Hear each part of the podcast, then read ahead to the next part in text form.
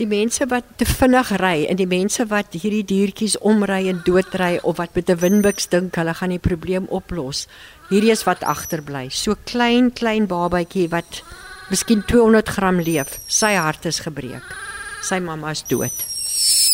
Ons praat met Marizaan Kent Ferreira, bekende wildlewe rehabiliteerder en hy kry die apie nou bietjie bottel. Daar is 'n 'n algemene gedagte dat apies is 'n oorlas, dat apies moet weggejaag word, dat apies moet gevang en verplaas word en dat ons kan apies doodskiet.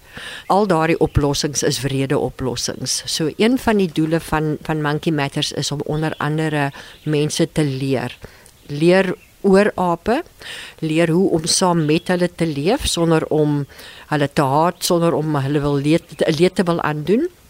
En dan natuurlik ook is daar altyd die geval wat ons geen beheer oor het nie en dit is babas wat sonder hulle moeders gelos word.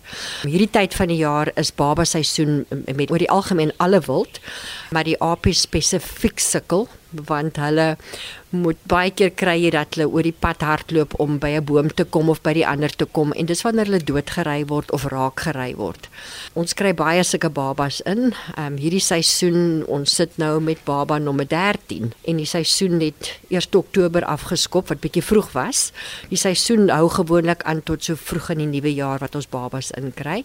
Wat baie ook gebeur is is dat mense sal wel stop en die babatjies help, maar dan vat hulle die baba huis toe want dit is verskriklik oulik. Jy weet die babatjie hou vas aan jou, die babatjie is afhanklik van jou, die babatjie kyk op na jou met absolute heldeverering. So baie mense voel hulle loop op water.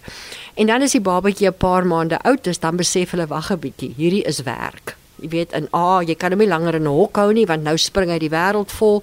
So nou word hierdie baba 'n las vir mense en ons kry baie van daai babas ook. Dan is hulle 3, 4 maande oud. So Ons eerste versoek is aan mense is as jy sien dat daar 'n aap in in die moeilikheid is of dit nou iemand is wat hom wil leed aandoen of 'n beseerde aap langs die kant van die pad of 'n baba wat sonder 'n mamma onder 'n boom lê of iemand wat 'n aap as 'n troeteldier aanhou, is kontak ons. En moenie hulle hou nie sodra jy 'n beseerde baba vir al die babas optel maak onmiddellik kontak met ons. As jy nie vir ons in die hande kry nie, vat die baba na die naaste veearts toe. Hulle weet hoe om ons in die hande te kry. Kry julle net babas in of ook volwasse apies? Nee, ons kry volwasse apies in. Ehm um, ons het nou onlangs het ons twee gehad wat ons na die rehabilitasiesentrum toe gestuur het. Dit is gewoonlik verskriklik hartseer. Die een was in 'n dwelm saak betrokke gewees wat die polisie die huis ontruim en toe hulle teruggaan, toe sien hulle onder 'n tafel in 'n in 'n groot kartondoos sit daar 'n aap. En hy het so gebly. En ons het al volwasse ape ingekry wat hulle slagtande getrek was vir die redes dat jy weet dat hulle nooit mense moet byt nie. 'n Aap sal nooit uit die bloute uit 'n mens of 'n hond aanval nie. Ape sal wel wanneer hulle bedreig is, het hulle een van twee dinge om te doen, of hulle hardloop weg of hulle sal dan hulle self moet verdedig en daai verdediging sal byt wees. Ek gaan dit probeer namaak. Jy kry baie keer wat 'n aap op en af spring en maak hulle dit vir mense of vir honde. Nou mense sê dit, o, hulle dreig my, hy wil my aanval. Eintlik sê daai aap vir jou, ek is vrek bang. Asseblief gee my net spasie dat ek hier kan wegkom. Monkey Matters wat nou in Nelson Mandela Bay bedryf word, het sowat 25 jaar gelede beslag gekry in Oos-London toe die stigterslid Sharnay van der Mest daar begin het om weesapies maar ook bobbejaantjies te red. Sy vertel verder. Daar was mense wat saam met uh, bobbejane gewerk. Ons het saamgewerk en baie apies en bobbejane ingevat. Ons het troops gebou en laat vry na die wild toe nie in die Oos-Kaap nie, maar in Natal. Daar was die plek nie in die Oos-Kaap daai tyd. Toe het ek na Nelson Mandela Bay toe getrek en dit het my gevolg. Daar's so baie wat inkom. Hulle het hulp nodig en daar's niemand wat hulle in die Oos-Kaap kan help nie. Daar is seker plekke, maar hulle hou die apies in hokke en dit, dit is nie reg nie. Ons het honderde en honderde en honderde apies uitgevat oor die jare, duisende. Ek weet nie hoeveel nie, maar baie baie baie. Ehm um, dit is in my hart, dit is my passie en ek werk saam met Marizaan en Ansie en ons uh, behandel die hele Ooskaap en ons werk om hulle na die rehabilitasiesentrum te kry en dan sal daar vir hulle vryheid wees. In die mikrofoon. Hy sukkel nog, jy weet, hy het nou nog nie vir my aanvaar as sy mamma nie.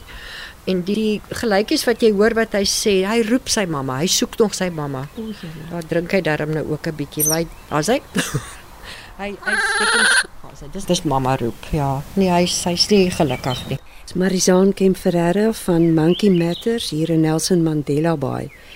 En as jy hom onder jou, as jy hom teen jou vel sit, kyk nou. Ons sal hoor as hy jou byt. Jy sal dit hoor ja. Oeps. Hier, hy roep, hy roep sy mamma. Dis hartverskeurende. Die mense wat lede is of die helpers binne die organisasie.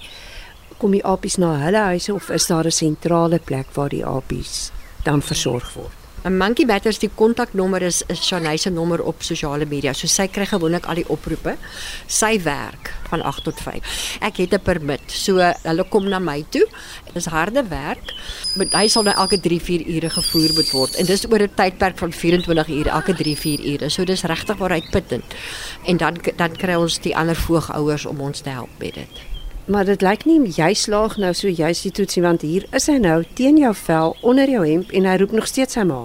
Ek is nog nie mamma nie, hoor. Dit sal nog 'n hele rukkie vat voordat hy my aanvaar as sy ma. Dan sal hy my nie los nie. As ek hom neersit dan hy lê. En hulle kan um, nogal goeie temperatuur gooi as hulle nie kry wat hulle wil hê nie. Hy's baie beter as wat hy was vroeër toe kom gekry het. Hy het die hele tyd gehuil. Die seisoen het baie vroeg begin. Ek dink die 30ste September of die 28ste daar rond het ons ons eerste baba gekry. Gewoonlik begin dit eintlik eers nou. So ons het nou al klaar 12 wat gaan na die rehabilitasiesentrum toe toe. So hierdie is nou, hierdie een is nou eintlik die begintyd van die seisoen. Daai lot wat ons so vroeg gekry het was regtig baie vroeg. Jy gaan nou nog 'n hele paar kom hier klim nou onder jou T-hemp. Dis 'n besige man.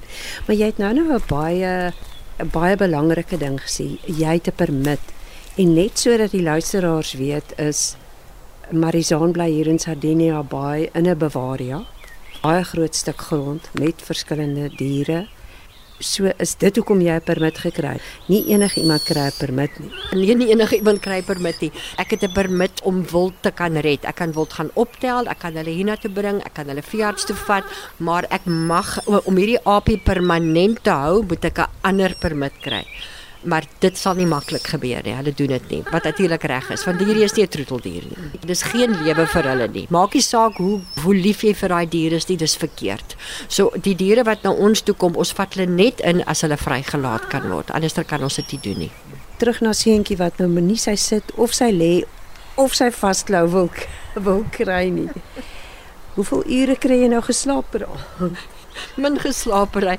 Hierdie ouetjie sal seker so elke 3, 4 ure drink, hoor. En en as jy dink jy kan dit nie doen nie, dan gaan jy moer. Hulle hulle maak vir jou hierdie is wat jy hoor in die nag. So daar's 'n manier wat jy dit nie kan doen nie.